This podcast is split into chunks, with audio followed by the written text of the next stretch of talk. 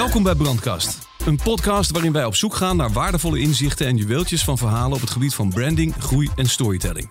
Een plek ook waar wij de merkgeheimen van onze gasten bewaren. Naast mij zit Dominique Henskens, Creative Director. En mijn naam is Roger Verdurmen. Ik ben Strategy Director. Elke aflevering hebben wij een hoofdgast die wij vragen naar zijn of haar specifieke kijk op merken bouwen. En we vragen hem of haar een merkgeheim te delen voor de brandkast. Onze gast van vandaag is energiek, optimistisch en naast creatief ook nog eens commercieel. Ze houdt van kunst en schoonheid en was op jonge leeftijd al bezig met China. Ze studeerde kunstgeschiedenis en sinologie in Leiden. Het liefst was ze naar Beijing verhuisd, maar daar staken haar ouders een stokje voor. Dominique, wat weten we nog meer?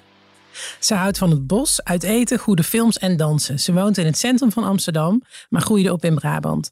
Toen ze 15 was, verkocht ze al zonnebrillen uit China en verhandelde die achter het Centraal Station in Os. En op haar 18e startte ze een online kunstgallery. Toen ze op zichzelf ging wonen, ontdekte ze dat de meubelmarkt verdeeld is in massaproductie en superdure high-end designmerken. Wat zij zocht, betaalbare designmeubelen, vond ze niet. Dus sprong ze zelf in het gat en nu is er Vest, haar eigen betaalbare designmerk. Inmiddels heeft ze vijf boutiquewinkels en levert ze aan 100 resellers in 20 landen. Femke, welkom. Dankjewel, dankjewel. Femke, voordat we gaan praten over je hele onderneming en dergelijke en hoe je daar bent gekomen, wat betekent Vest eigenlijk? Vest, de naam komt van mijn voornaam en van mijn broers voornaam. Dus Femke en Steven. Ik heb het samen met hem uh, opgericht. Het ging net al even over de winkels. Hè? Vijf boutiquewinkels. Kun je daar wat meer over vertellen? Waar zit je? Hoe heb je dat aangepakt dat je die winkels hebt op die locaties? Ja, uh, ik ben begonnen met een winkel in Amsterdam. Daar, daar uh, woonde ik natuurlijk en had ik een kantoor. Dus dat is logisch dat we daar zijn begonnen. We hebben er inmiddels twee in Amsterdam, één in Utrecht, één in Rotterdam, één in Antwerpen en in Gent. En ja, we willen steeds meer winkels openen. En dat gaat eigenlijk best wel organisch, waar er een mooi pand voorbij komt, echt een kans is, die, uh, die, die proberen we te pakken. Wat bepaalt je strategie eigenlijk? Want je hebt ook de overstap naar België gemaakt. Ja, ja. Zijn er nog meer plannen internationaal? Ja, ja nee, zeker. Uh, hoe we eigenlijk kijken waar we winkels willen openen, is, is waar de traffic vandaan komt, online. Dus waar, waar, waar ah. verkopen we al? Ja, dat is eigenlijk heel logisch. En Bricks follow clicks. Ja, ja. ja, ja. Dus, dus op die manier breiden we uit. Maar nu is de focus echt Nederland en België. Maar we zijn voor volgend jaar willen we naar Duitsland. Hmm, Oké. Ja, want je was al heel jong uh, ondernemend. Ik zei het net al in de introductie. Kun je daar wat meer over vertellen? Ja, ik ben als kind, ja, was ik ook al heel erg ondernemend. Maar dat besef je op dat moment natuurlijk helemaal niet. Want je, want je doet het gewoon. En toen ging ik met zelfgemaakte kaarten langs de deuren. Ik super lieve buren. En die, die kochten dan van alles. En het gaf mij natuurlijk weer een soort van uh, positivity boost. Van hé, het is mooi wat ik maak. En op mijn vijftien inderdaad importeerde ik zonnebrillen en horloges en kleding uit China. En dat verkocht ik dan via Marktplaats. En inderdaad, dan sprak ik dan met mensen uit het hele land af. Achter Centraal Station, dat klinkt natuurlijk super shady. ja, dat klinkt wel Ja, echt. En dan ging ik op mijn fiets daar naartoe vanuit Hees. Want daar, dat is een dorp vlak bij Os, daar, daar, daar woon ik dan. En dan, uh, en, en dan verkocht ik dat. Dus het was, was een soort van bijbaan eigenlijk. En op mijn 18 had ik een um, online kunstgalerie. Dus ja, ik ben altijd wel ondernemend geweest. Wat vind je daar zo aantrekkelijk aan? Waarom die ja. drang tot ondernemen? Dat is een goede vraag. Ik, ik, ik weet niet, dat zit in je, denk ik. Het is iets, het, is, het was voor mij, ging het zo natuurlijk dat ik het gewoon ging doen. En mijn broer had ook al een uitzendbureau op zijn achttiende. Dus hij, hij deed het al. Het was eigenlijk zo van, nou, dit is al hartstikke easy. Je, je, je begint gewoon. Maar waarom ik het zo leuk vind, is... Ja, je kan van niets iets maken. En van je inspanningen zie je ook vaak direct resultaat. Het is misschien niet altijd het resultaat wat je, wat je wil, maar je ziet wel direct iets, iets, iets, een gevolg erop. En ja, en wat ik er nu zo leuk aan vind, is natuurlijk echt elke dag is anders. Het is één groot avontuur. Het is echt een rollercoaster met echt enorme highs en ook enorme lows. Maar het is wel echt één groot avontuur. wat ik een beetje gek vind eigenlijk, is eh, je bent al vanaf je zestiende aan het ondernemen. Ja, ja. En toch hoor ik verschillende studies voorbij komen. Ja, klopt. Waarom eigenlijk? Waarom die, die, die, die, die, die, Waarom die studies? Ja. Nou, dat was eigenlijk ook wel vanuit mijn ouders, moet ik zeggen. Die zeiden wel ja, allemaal leuk, al die uh, plannen, maar je moet gewoon een papiertje halen. En want wat als het, als het mislukt, al je uh, leuke ideeën, dan vind je natuurlijk wel iets nodig om op terug te kunnen vallen. En daar ben ik ze achteraf ook wel uh, dankbaar voor dat ze me hebben gepusht hoor. Want dat vroeg ik me af eigenlijk. Ben je daar dan blij om? Ja, nee, wel op dat moment niet. En ook ik wist ook echt op een gegeven moment niet meer wat ik moest kiezen. Dus toen ben ik maar kunstgeschiedenis gaan doen. Niet omdat ik dacht, oh, daar wil ik in werken. Maar meer van, dan haal ik een papiertje en het is iets wat ik heel leuk vind. En ik heb toen ook toch nog een master gedaan om te kijken of ik niet toch in die kunstwereld wilde werken. Maar dat was het toch niet. En het is ook gewoon goed om iets af te maken wat je niet per se heel leuk vindt om te doen. Uh, dus dat was ook wel, uh, was ook wel Vond je goed. dat toen ook al? Of denk nee, je dat achteraf? Nee, ik achteraf. Ja, ja, ja, nee, precies, toen was het helemaal kut. Ja, ja, ja, ja, Hey, je was nog best wel jong toen je vest startte. Nou, eigenlijk uh, in jouw loopbaan was het al best laat. Want er was al zoveel ondernemingen. Maar in principe. En um, ik ben eigenlijk wel benieuwd. Ja, hoe ben je begonnen? Heb je raad gekregen? Had je een goed netwerk om uit te putten? Ja, nou, ik heb in uh, 2014 meegedaan aan de Next Women Pitch Competitie. Daar heb ik mijn bedrijfsidee gepitcht. Dat is een netwerk voor vrouwelijke ondernemers. En dan geven ze ook jonge vrouwen die een, een start-up hebben de kans om een idee te pitchen. Daar heb ik eigenlijk twee uh, mentoren ontmoet. Sascha Engels en uh, Corine Vigreux. Corine Vigreux is de oprichter van TomTom. Tom. Mm -hmm. En was echt te gek, want Sascha heeft eigenlijk begin al heel snel geld geleend. En ik heb toen sinds 2014 vijf jaar lang elke eerste maandag van de maand de hele middag en avond met haar gespendeerd om vest door te nemen en mezelf door te nemen en, en hoe, hoe te verbeteren. Daar heb ik mega veel aan gehad, ook op de vlakken waar ik niet goed in was.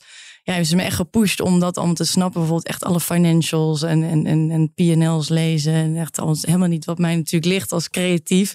Mm -hmm. Maar dat, dat was wel mega goed. En Corine met haar heb ik ook sinds 2014 één keer per kwartaal gezeten. Om echt op, op de grote lijnen eigenlijk haar advies te krijgen. Dus dat zijn echt mijn twee mentoren geweest. En ik heb nog een derde mentor. En die heb ik via een Old Girls Network ontmoet. En zij zit veel meer op persoonlijk vlak. Waar ze me heel erg in het begin heeft uh, gecoacht. Maar ik kwam wel bij haar aan met de vraag. Hoe zet ik een merk in de markt? En daar heeft ze me toen een aantal sessies ook wel heel goed bij geholpen. En dat is Simone Brandt. Heb, heb je een concreet voorbeeld van een advies wat je hebt gekregen van een van de dames in dit geval? Ja, zeker. Nou, dan is denk ik die van Corine wel heel goed en in dit kader ook wel heel relevant. Zij ja, hebben natuurlijk een mega groot merk uh, gebouwd en natuurlijk ook heel veel concurrentie uh, gekregen. Maar zij zei, investeer in je merk, want de brand will protect you. Je merk is eigenlijk alles. Ook al is er dan concurrentie. Als je een goed sterk merk hebt, dan, dan overleef je dat. Dan maakt dat eigenlijk niet uit. Dus echt... Uh, build your brand. Ja. Je hebt het nu al over branding en over uh, het in de markt zetten van een merk. Ja. Hoe heb je je communicatiestrategie vormgegeven? Hoe ja. ben je begonnen? Want hoe ben je bekend geworden? Dat is eigenlijk best wel organisch gegaan. Want daar had ik natuurlijk ook helemaal geen ervaring in. Behalve natuurlijk met mijn kunstgalerie. Toen heb ik natuurlijk ook wel, al wel wat free publicity weten te genereren. En dat is eigenlijk bij Vest precies ook zo gegaan. Het is echt op basis van free publicity gegaan. Dus persbericht heel traditioneel eigenlijk. Mhm. Mm. Gewoon goede fotografie maken, persbericht opstellen. Zorgen dat de media je weet te vinden. En het was ook toen we startten crisis. Dus er was niet veel vernieuwing. Er was wel behoefte aan vernieuwing. En ik denk, er zijn nog te weinig vrouwen die bedrijven starten. Dus het, ja, dat is dan in mijn voordeel. Dat als je dat wel begint en je brengt het naar buiten, dat Dan het ook op. wel wordt opgepikt. Ja. Ja. En zo zijn we eigenlijk gegroeid. Dus tot 2019 zijn we echt organisch gegroeid. Vooral op basis van free publicity. We hebben bijna toen gewoon geen budget gehad. Maar ook uitgegeven aan, uh, aan, aan, aan marketingkosten. Dat doen we echt pas sinds 2019. Is het ook makkelijker geweest omdat je een online winkel was? Zeggen? Um, nee, dat denk ik niet. Omdat we vanaf de start al echt een omnichannel merk zijn. Dus we verkopen eigenlijk via een aantal kanalen. Dus aan winkeliers, noemen wij ons B2B kanaal. Dan verkopen we rechtstreeks aan de consument via onze webshop en eigen winkels. En dan verkopen we ook aan de projectmarkt. Dus dat zijn hotels, restaurants en kantoren. Dus we hebben eigenlijk from the start heel veel hooi op ons vork genomen. Het was niet altijd makkelijk, maar is ook wel de reden geweest waarom we zo hard hebben, hebben, hebben kunnen groeien. Als, Ja. je moet, als je moet kiezen, waar ligt je hart? Bij kliks of bricks? Oeh, dat vind ik een hele moeilijke. Nee, ik, ik, ik kan niet kiezen omdat ik geloof dat je beide nodig hebt. In ieder geval voor Vest is juist dat dat elkaar heel erg versterkt. Je, het een kan bij ons niet zonder de ander, vind ik. Ja, want die eh, eindconsument, hè, je doelgroep, eh, zou te zeggen, wie is dat exact? Hoe heb je die gepinpoint en nou, hoe ver gaat dat eigenlijk in de ideeën die je daarbij hebt over hoe je die omschrijft? Nou ja, onze klant is tussen de 25 en 45 ongeveer. Hoogopgeleide mensen, wonen met name in steden. Het is de early majority en early eh, adapters, als je het eh, zo eh, wil omschrijven. En ja, het zijn mensen die relatief veel geld uitgeven aan, aan, aan lifestyle dingen. En ja, daar komen we achter door klantonderzoek te doen, met name. En je concurrenten? Het fascineert me toch, want het is hoger opgeleid en wat meer inkomen uh, om te besteden. En aan de ene kant wil je eigenlijk toegankelijk zijn met je merk om wat lager te zitten dan de high-end designmerken. Ja, ja. Maar hoe bepaal je dan die sweet spot daar eigenlijk?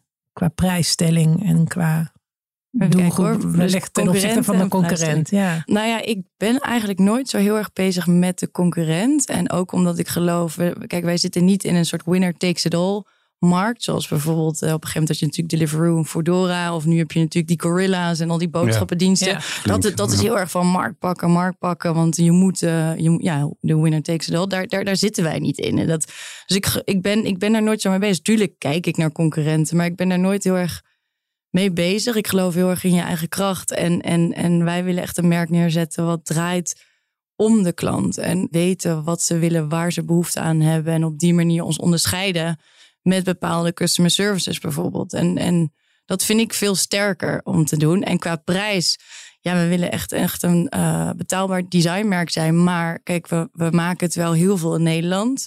Met korte levertijden. Je kan bij ons uit veel verschillende stoffen bijvoorbeeld kiezen. We bieden interieuradvies aan, omdat we echt gratis doen we dat. Ook omdat we willen dat een klant gewoon een goede keuze maakt. Dus we uh, bieden ook full service delivery aan bij klanten. Dat je echt helemaal ontzorgd wordt. Dat je niet zelf die allemaal die rommel van die folies in een karton allemaal hoeft weg te gooien. Oh, dat vind ik een zegen. Nou ja, precies. En, en het is eigenlijk zoals Coolblue dat doet. Dus dan zetten we die, die bank bij je thuis neer. Of woon je drie hoog achter. En we nemen eventueel een oude bank mee terug. En we zijn vast heel erg op die manier aan het bouwen. We willen echt voor die klant ja, het leuk, leuk maken. Want een meubel kopen is een grote uitgave, kost veel tijd en, en, en geld. En dat willen we zo leuk mogelijk maken. Dus ja, we zijn niet de goedkoopste, maar dat is ook niet het doel. En mag dat ik, mag ik even inhaken op eh, wat je net zei? Want je begon eigenlijk ook over de keuze in stoffen en al dat soort dingen. Ja, ja, ja, ja. Hoe bepaal je wat je minimaal nodig hebt en hoe bepaal je wat het wanneer het te ver gaat. Weet je wel? Ik vind dat heel knap, want ik heb bij jullie gekeken. Je hebt ontzettend veel. Ja. Ontzettend veel variatie. Ja. Is veel, ja. Wat is het minimum? Wat is het maximum? Nou ja, ja daar is denk ik niet echt een, een regel voor. Het verschilt ook nog, merken wij, online en offline. Want online kan je natuurlijk, kijk, je kan bij ons online die stofstalen bestellen. Dus dan kan je thuis kijken of het, of het past. Maar dan kan soms te veel aanbod te veel zijn, omdat je door de bomen het bos niet meer ziet. Dus daarom hebben we op de website ook echt onze bestsellers. En we hebben nu een soort furniture viewer, dat je wel elk meubelstuk en elke stof kan zien en dan 360 kan draaien. In de winkels kan je natuurlijk veel beter advies geven. En um, omdat we dus die interieuradviseurs hebben, die gaan echt met je kijken naar de muurkleur of bij je vloer, uh, bij de gordijnen. Wat, wat, wat staat erbij? En dan merken we eigenlijk dat er nog soms best wel klanten zijn die ook zeggen: Oh, ik mis net deze kleur of dit ja, of dat. dat bedoel ik. Ja, dus, dus je kan het nooit 100% goed doen. Maar dat is ook wat we nu sinds een half jaar inzichtelijk hebben, is echt die, die data heel goed. Dat we echt kijken van welke stoffen verkopen nou best. En ook de input van, van, vanuit de winkels natuurlijk heel belangrijk. En dat continu blijven updaten. Je moet natuurlijk ook meegaan met trends. Want nu heb je natuurlijk een tijd lang, het is heel lang velvet geweest. Nu is het heel erg die teddy mhm. stoffen. Ja, dus op die manier, bepaalde kleuren zijn natuurlijk in. Dus dan moet je de tijd blijven updaten. Ja, want luistert heel nauw, toch? Ik bedoel, ik, ja. ik, heb wel, ik heb wel eens een experiment gehoord van... als je mensen zeven soorten jam aanbiedt, kunnen ze helemaal niet meer kiezen. Ja, ja, dus ja. te veel kan ook, ja. weet je wel? Ja, nee, klopt. Maar dat is dus continu uh, testen en die data verzamelen en daarop weer aanpassen. Maar dat geldt natuurlijk voor alles eigenlijk wat je doet. Kun je ons wat meer vertellen over het ontwerpproces? Dus hoe gaat dat in zijn werk? Ja, we ontwerpen zelf in-house best wel veel, maar werken ook met designers, Nederlandse en buitenlandse ontwerpers. En ja, ik heb dan het, de geweldige baan dat ik kan cherrypicken. Dus, en zij zijn, designers zijn natuurlijk 24-7 bezig met materialen en kleuren en nieuwe technieken. En ja, daardoor krijg je zo'n creativiteitsboost. en ik zou zelf nog meer tijd willen hebben voor collectie, moet ik wel heel eerlijk zeggen. Dat ben ik ook al mee bezig om eh, te creëren. Maar dat blijft toch best wel moeilijk met zo'n snel groeiend bedrijf.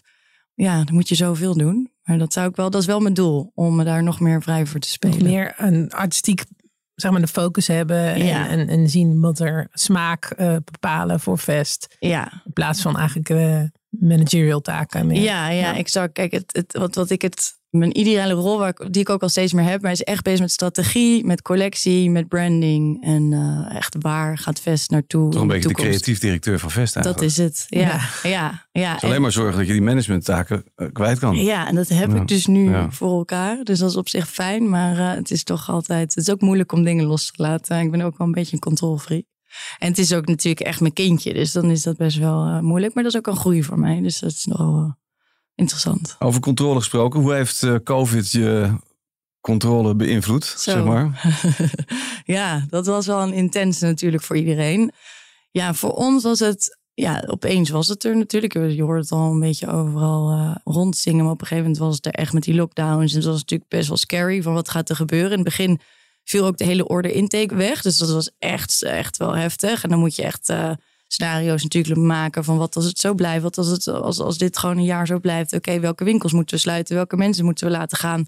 Waar, in welke kosten kunnen we snijden? Dus allemaal dat soort scenario's uh, bouwen. Van die heerlijke dingen voor een creatief directeur. Hè? Ja, ja, maar het grappige vond ik wel bij mezelf te zien dat ik ben wel creatief. Alleen het zorgde voor, bij mij voor een enorme shitfilter. Ik had een super focus. Ik werd veel directiever dan ik normaal ben. Ik was echt gewoon naar, naar mijn managementteam. Jij doet dit, jij doet dat, jij doet dat. Elke dag meeten.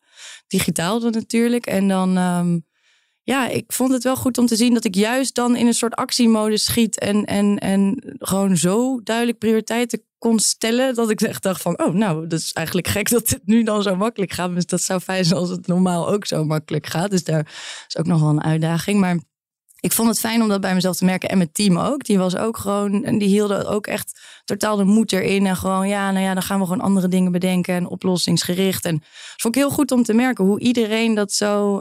Die vibe, dat optimistische had. Van ook al gaat het slecht, we'll, we'll, we'll fix it. Maar een goede en, crisis maakt jou dus alleen maar beter eigenlijk. Nou ja, blijkbaar. Ja, ja, en hoe is het verder gegaan? Hoe is het, af, ja, hoe is het nou, kijk, afgelopen? Is het nog niet, maar... Nee, nou, kijk, wij, wij hadden natuurlijk wel... Of wij hebben heel erg geluk dat we in het interieur zitten. Dus iedereen zat natuurlijk thuis. Dus mensen thuis werken, thuis uh, kinderen, uh, school, uh, les geven, sporten.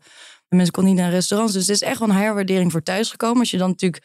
Ja, je kan niet op vakantie. dus je, dus, en mensen gingen gewoon hun huis. Natuurlijk zag je ook bij alle bouwmarkten en tuinzaken. Dus we hebben ja. er echt wel heel veel profijt bij gehad. Dus dat is hartstikke fijn. Het verplaatst natuurlijk wel voor een groot deel naar online. Dus ons online kanaal is wel uh, echt gegroeid. En op een gegeven moment moesten onze winkels natuurlijk dicht.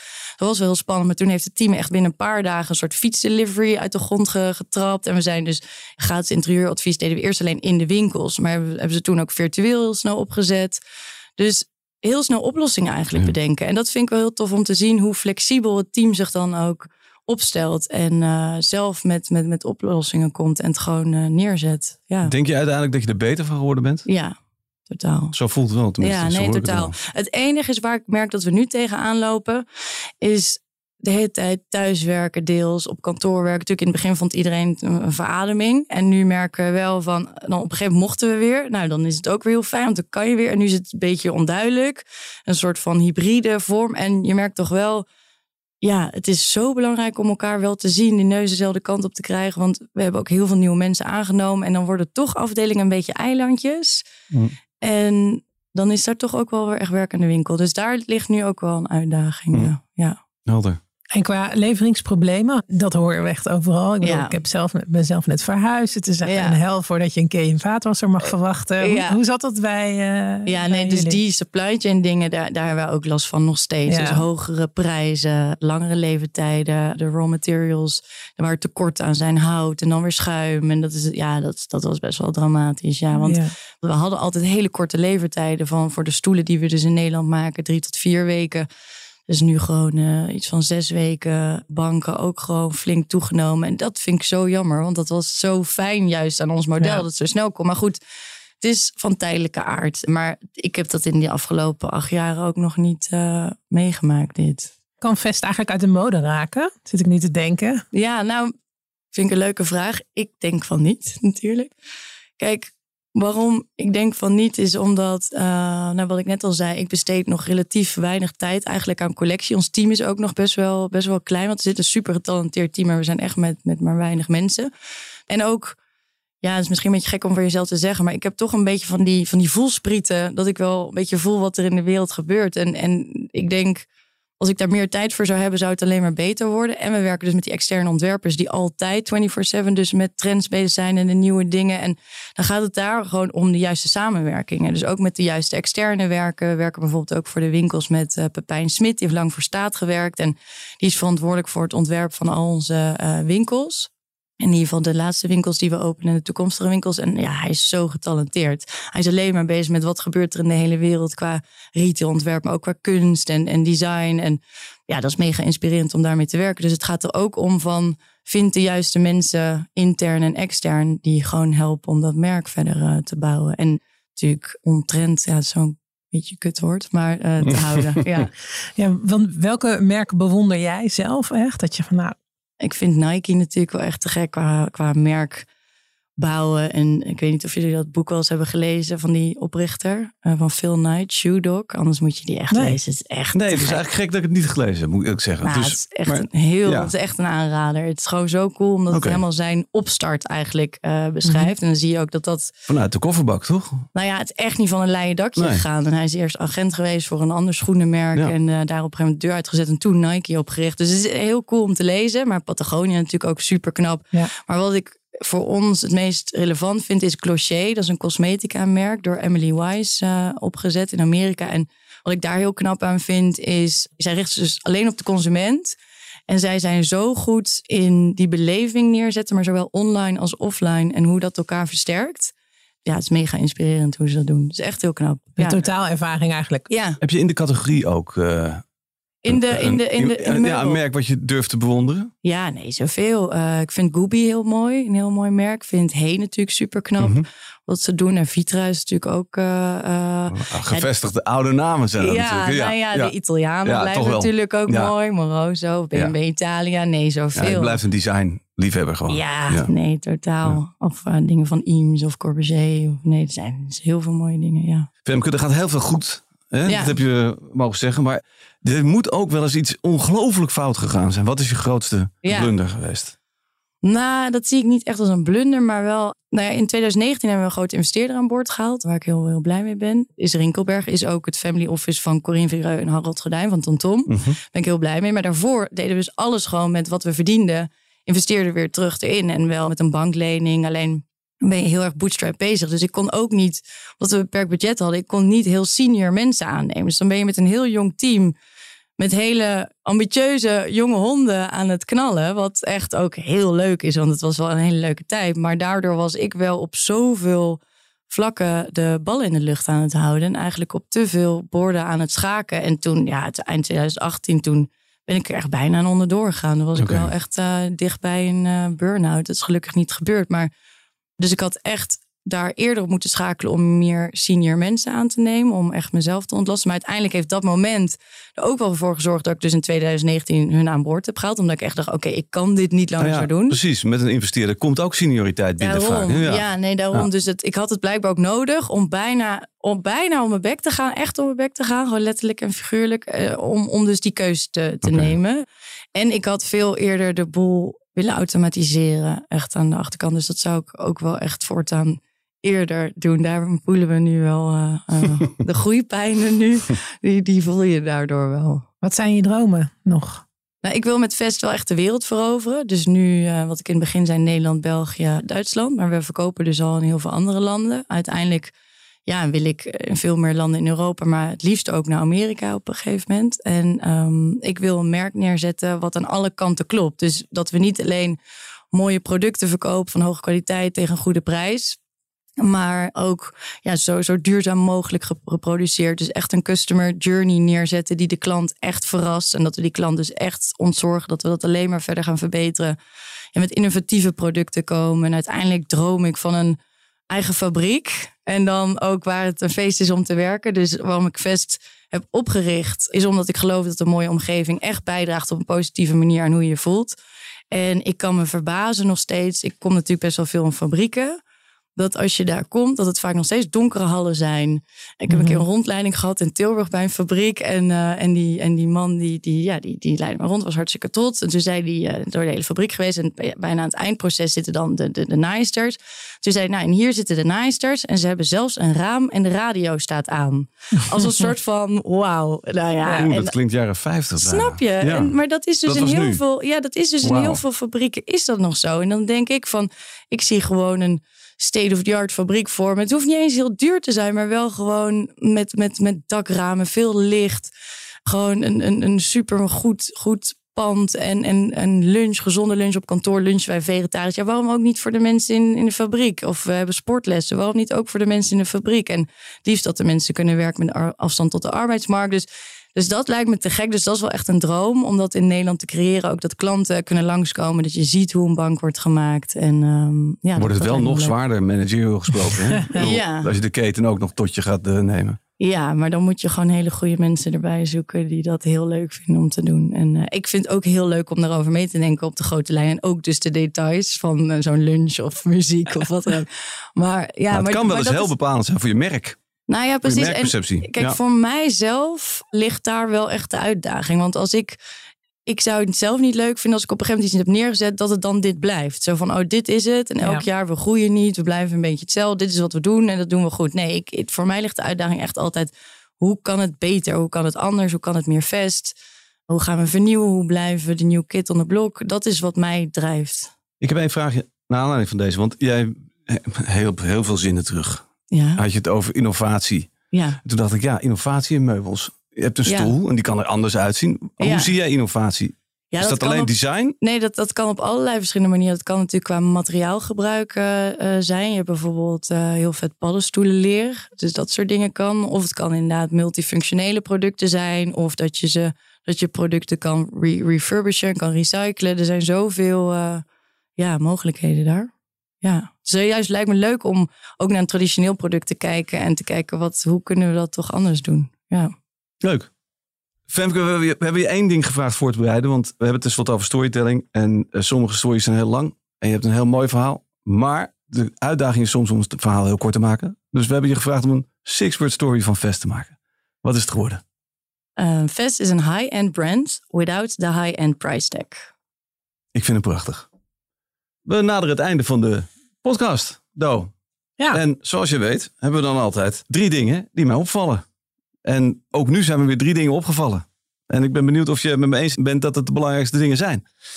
Ik vind de zin, the brand will protect you, vind ik echt prachtig. Ja. Ik bedoel, die gaat bij mij op een tegeltje, sowieso. Ja, Dus cool. dank daarvoor. Ja, Corine. Ehm, dank Corine. Ja, dank Corine. Ja. Prachtig. In deze categorie zijn kliks en bricks even belangrijk. Ja, Die vind ik ook eigenlijk best wel interessant. Omdat het vaak bricks zijn die op de kliks volgen. Of juist andersom. Maar tegelijk, dat heb ik eigenlijk nog nooit eh, zo gezien of gehoord. Erg leuk. Ja. En interessant.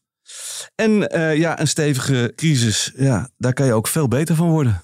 Eens. En dat is Never misschien niet helemaal nieuw. Maar het is Ja, bij jou wel heel mooi geweest en duidelijk. ja, Nou, kijk, en daar hebben we natuurlijk wel heel erg geluk ook ergens mee gehad. Hè? Dat we natuurlijk in, in interieur eh, zaten. Ja. Ja. Een mooi bruggetje nog naar de laatste vraag. Wat is het merkgeheim van jou, van Vest, wat we in de brandkast mogen leggen? Dat is een van onze kernwaarden. Optimism is een superpower. En dat gaat er eigenlijk om het kan wel mentaliteit. Ik kan er ook echt niet tegen als mensen het kan niet mentaliteit hebben. Dat is natuurlijk ook heel logisch dan. Maar wat ik eerder al zei, ik begon, ben begonnen zonder ervaring. Weet je wel, geen ervaring van de meubelbranche. Geen met, met dus 3000 euro. Geen ondernemende ouders of, of wat dan ook. En ik weet nog dat mensen echt tegen mij zeiden: meubelmerk. Ja, of, of mijn moeder zei zelfs, die had dus uit, uit in, in Hees bij Os van eh, het Brabants Dagblad. Ja, maar Fem, elke zaterdag staan er allemaal eh, mensen die banken verkopen. Hoezo ga je banken verkopen? Weet je wel? Ja. Ja. Dus, dus en of, of dan soms als mensen je onderschatten. eh, wat ik bedoel, ik ben begonnen toen ik 26 was. Dus was natuurlijk gewoon blij ei die, die een plan heeft. En ja, dan word je onderschat of moet je gewoon je extra bewijzen. En ik had bijvoorbeeld ook nooit gedacht dat we in Nederland betaalbaar design hadden kunnen maken. En nu hebben we al meer dan 30.000 producten in Nederland gemaakt. Dus het zijn allemaal dingen dat, dat je eerst misschien zelf denkt van, kan het wel? Of, of dat anderen dat zeggen, maar dus eigenlijk het kan wel. Als ik hem eerder had gehoord, was hij in het rijtje terechtgekomen. Oké. ja. Optimisme is een superpower. Dus ik voeg Ja. hem er bij deze nog aan toe. Ja. Ja, Ja. En, en mag ik nog één ding toevoegen? Daan? Dat vond ik dus ook heel leuk om te zien dat dat dus een kernwaarde is in het bedrijf. En dat is het team dat ook echt heeft laten zien tijdens die, die coronacrisis. Dat ze, en dat vond ik dus heel mooi om te zien dat zonder dat je ze daartoe aanzetten, dat dat dus al zo'n part of het is. Dat ze echt gewoon, nee, we gaan dit gewoon fixen met elkaar. Dus dat, daar, dat, daar word ik super blij van en heel trots op. Gaaf. Ja, Dankjewel. Femke, ontzettend bedankt voor eh, jouw komst hier vandaag. ja jullie Eh, bedankt. Ja, voor, voor vandaag sluiten we weer de brandkast. En eh, de volgende keer openen we weer voor een spiksplinter nieuwe aflevering van Brandkast. Ben je benieuwd naar alle podcastseries van Grow? Volg ons dan in je favoriete podcast-app of op dpggrow.nl.